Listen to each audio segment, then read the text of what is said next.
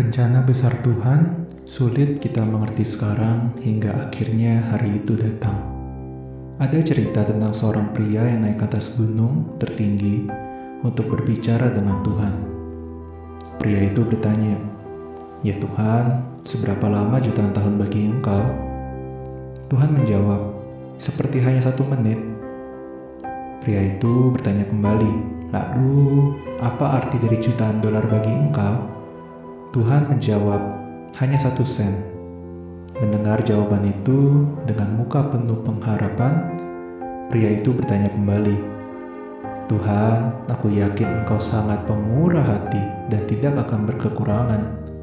Bolehkah aku meminta satu sen itu dari engkau?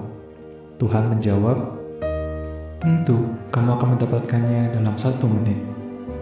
Seperti pria tersebut, kita sering meminta sampai merengek kepada Tuhan untuk mendatangkan sesuatu ke dalam hidup kita secepatnya, atau bahkan saat ini juga.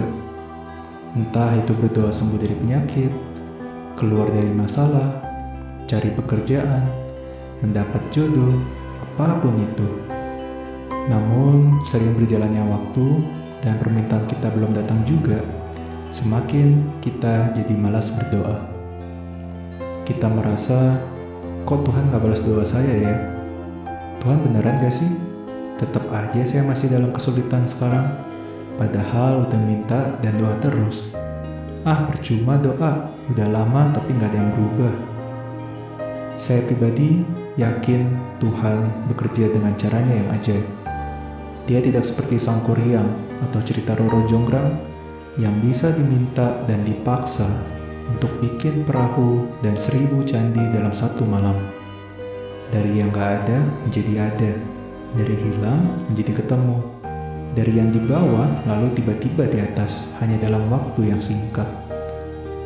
Dia bisa, dia sanggup, tapi sepertinya tidak selalu seperti itu cara dia bekerja.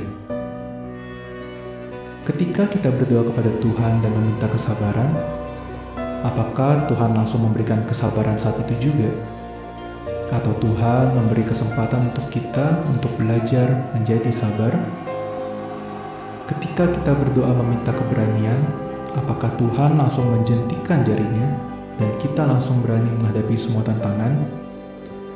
Atau Tuhan memberi berbagai kesempatan agar keberanian kita bertumbuh? Ketika kita berdoa agar keluarga kita menjadi dekat, apakah Tuhan dalam sekejap langsung mengubah semua sifat anggota keluarga kita? Atau Tuhan memberi kesempatan agar kita mulai mencintai keluarga kita lebih dahulu?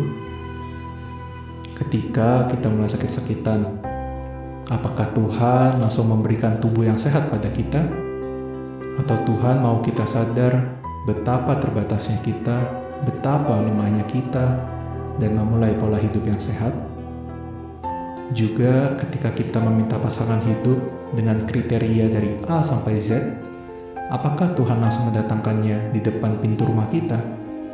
Atau Tuhan mau kita terlebih dahulu melayakkan diri sampai menunggu Tuhan hadirkan orang tersebut?